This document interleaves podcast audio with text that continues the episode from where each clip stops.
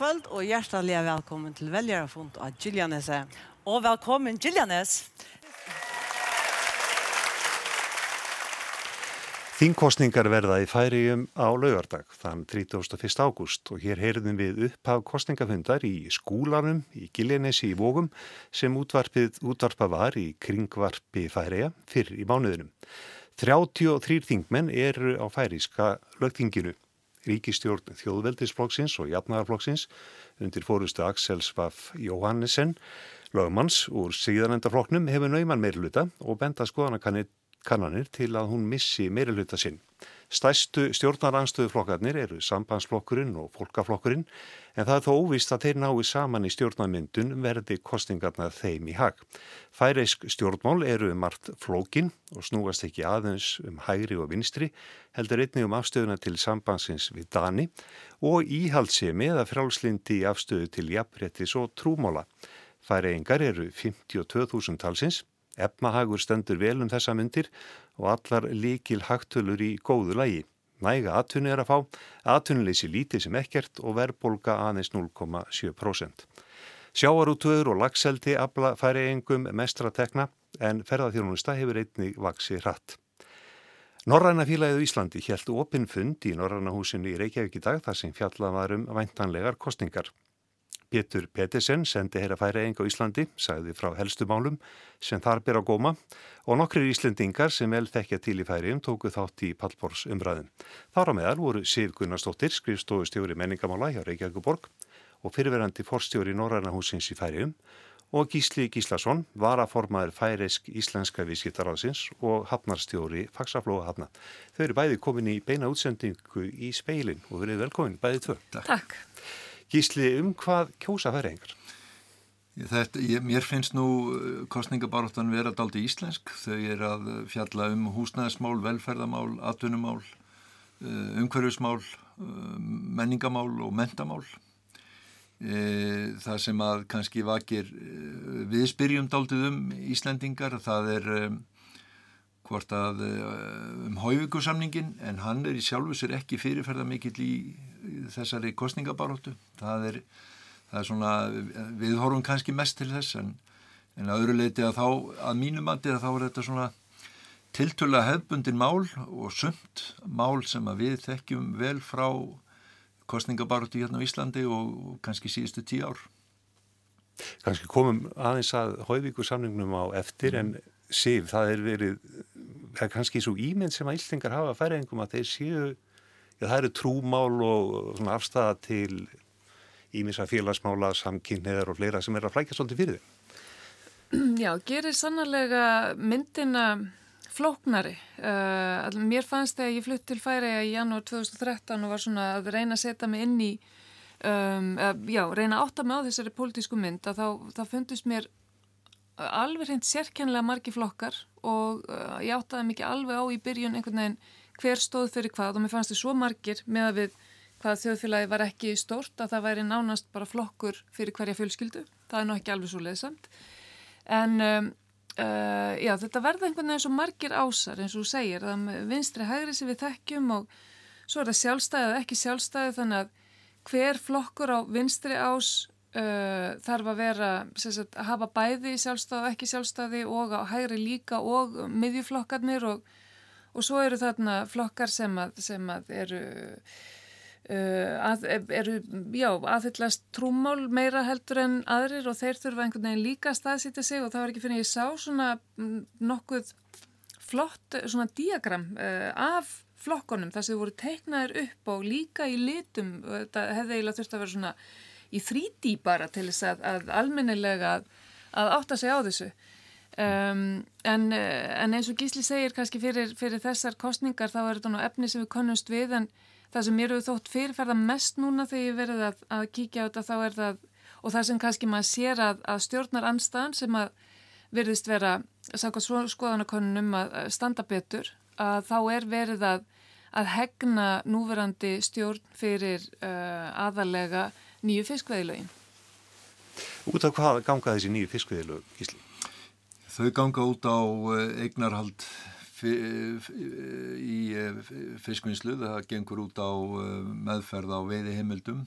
Færiðingar hafa farið þá leið að, að bjóða upp hluta veiði heimildum sem að hefur gengið en ekki kannski sáttum. En það snýr líka sagt, að þessu eignarhaldi við erum auðvitað með ákveði lögum um eignarhald en færiðingar hafa fara aðeins lengra og, og setja mönnum ákveðin tímamörk að losa sig við eignarhlutana.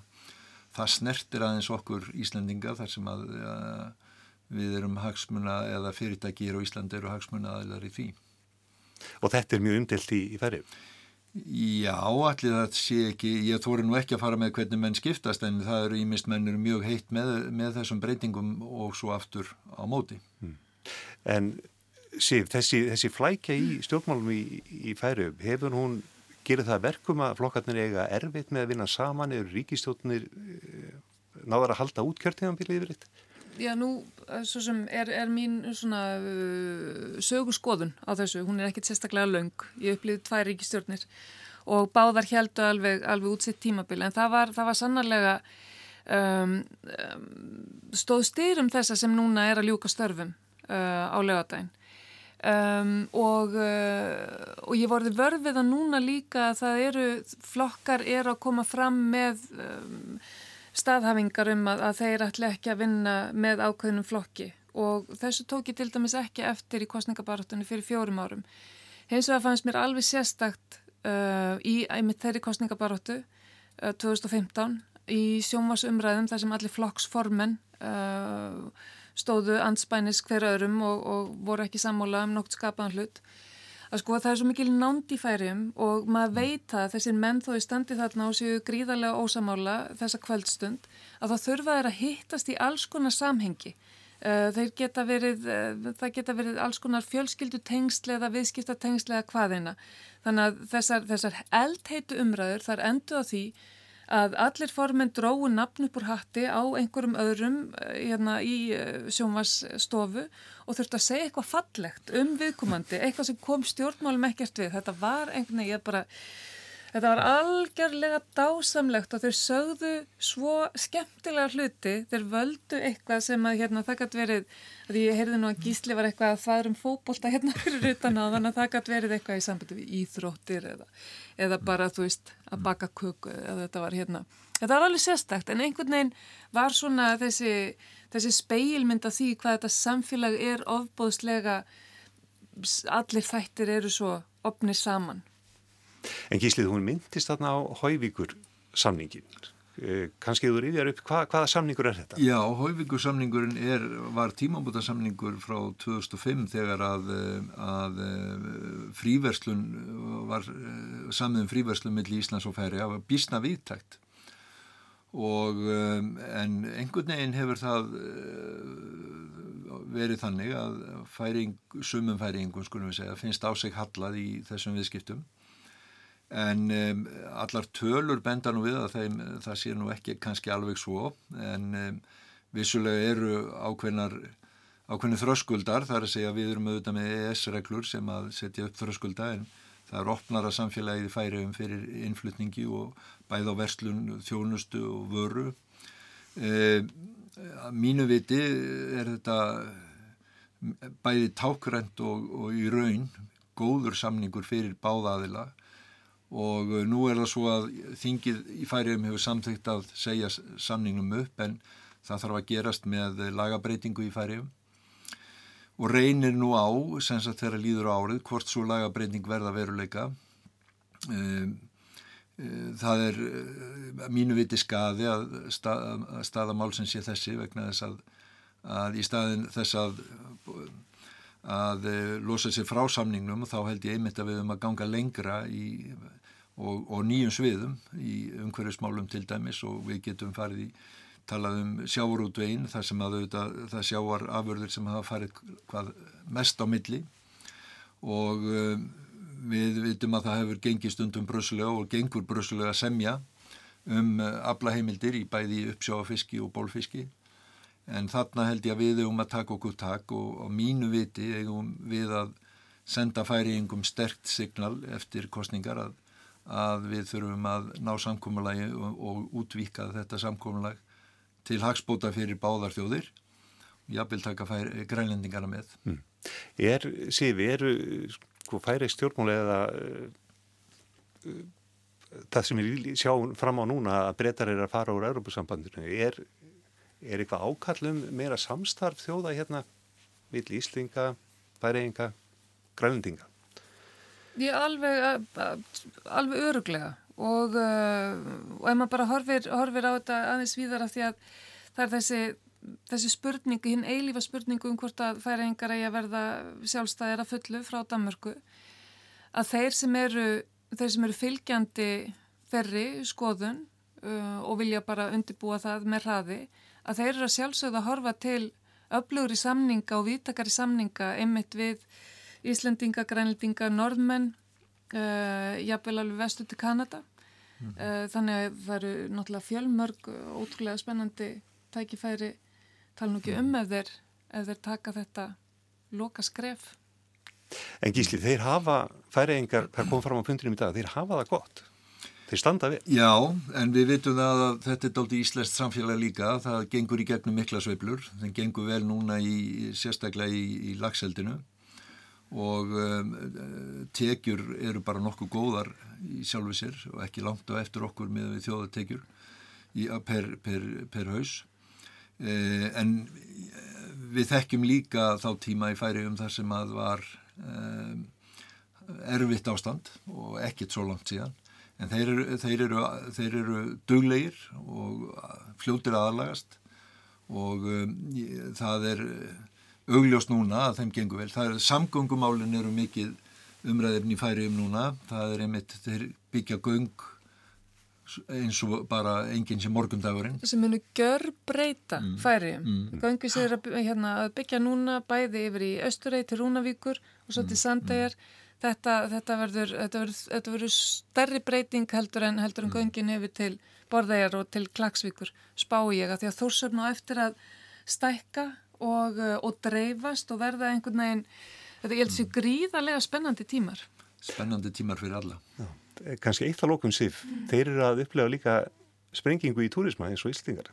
Já, heldur betur. Þeir fóru, hérna, þeir fóru af stað, eh, eiginlega bara 2013-14 þá var ákveðið að, eh, að sko tífalda fjármagnið sem fór í Visit Faroe Islands, þeirra ferðamálastofu eða kannski ekki tífalda en markfalda allavega og nýr fórstöðum að ráðinn og það var farið í, í mjög öfluga, skemmtilega og markaðsherrferð út um allan heim sem að vann til verlauna og það svoleiðis heldust yfir það ferðamenn sem að eiginlega samt kom þau pínulítið á óvart og, og þeir eru svolítið í erfiðri stöðu núna með því að mæta allir þessu fjölda sem að kemur á þessa átján litlu kletta út í hafi. Takk fyrir þetta og takk fyrir komuna Sigur Gunnarsdóttir og Gísli Gíslason. Takk.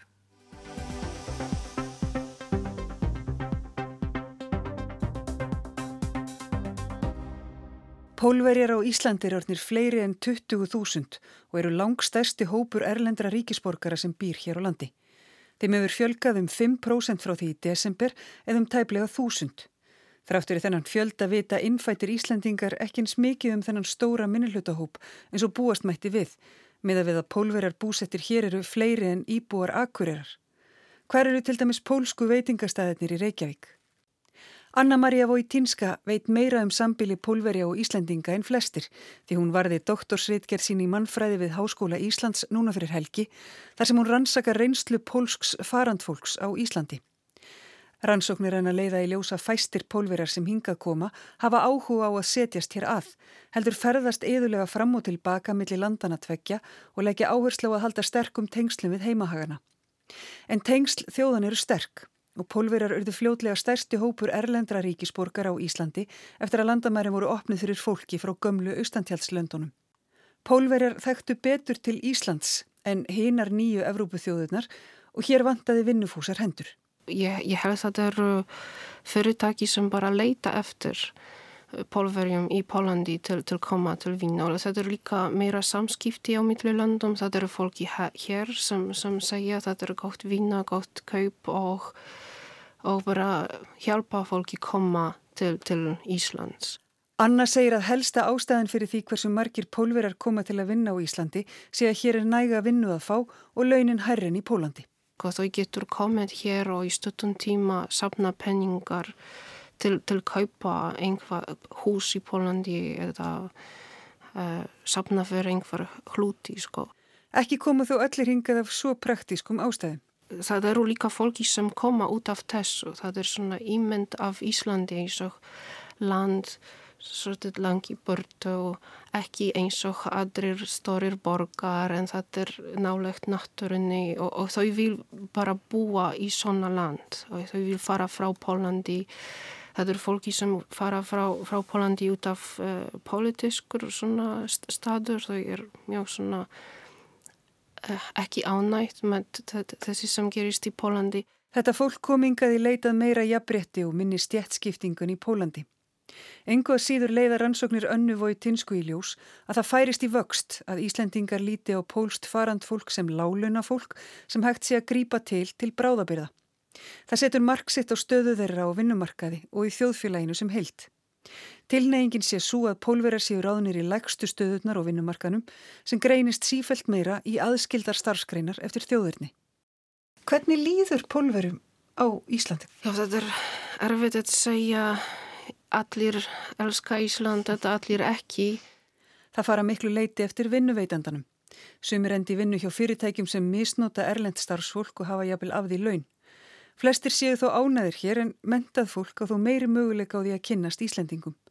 Þar skiptir miklu máli hvort það talar íslensku. Sumir pólverjar þó eru í vinnu sem er spjalla þó í mentun. Mm. En ég held að við erum með meira samskipti með Íslandingar að tala íslensku og, og svoleiðis. En það eru líka stórir hópur en kannski það er stærast í hóp af bólverjum á, á Íslandi sem koma bara fyrir vinnu. En sumir eru bara eins og farand ver, verka fólk eða uh, virka fyrir starfsmannalegju eða koma eins og svona útsendir starfsmenn. En það er ekki mikið samskipti held ég. Og líka ekki í, í svona kannski mikið í vinnustadum sem Íslandingar gera svona uh, sérfræðingavinnu og pólverjar bara almenn uh, vinnu. Já, ég held að það er ekki kannski mikið sam, samskipti en það er líka af því að fólki vinna svona mikið. Þau koma og vinna bara 10-12 klukkutíma á daginn.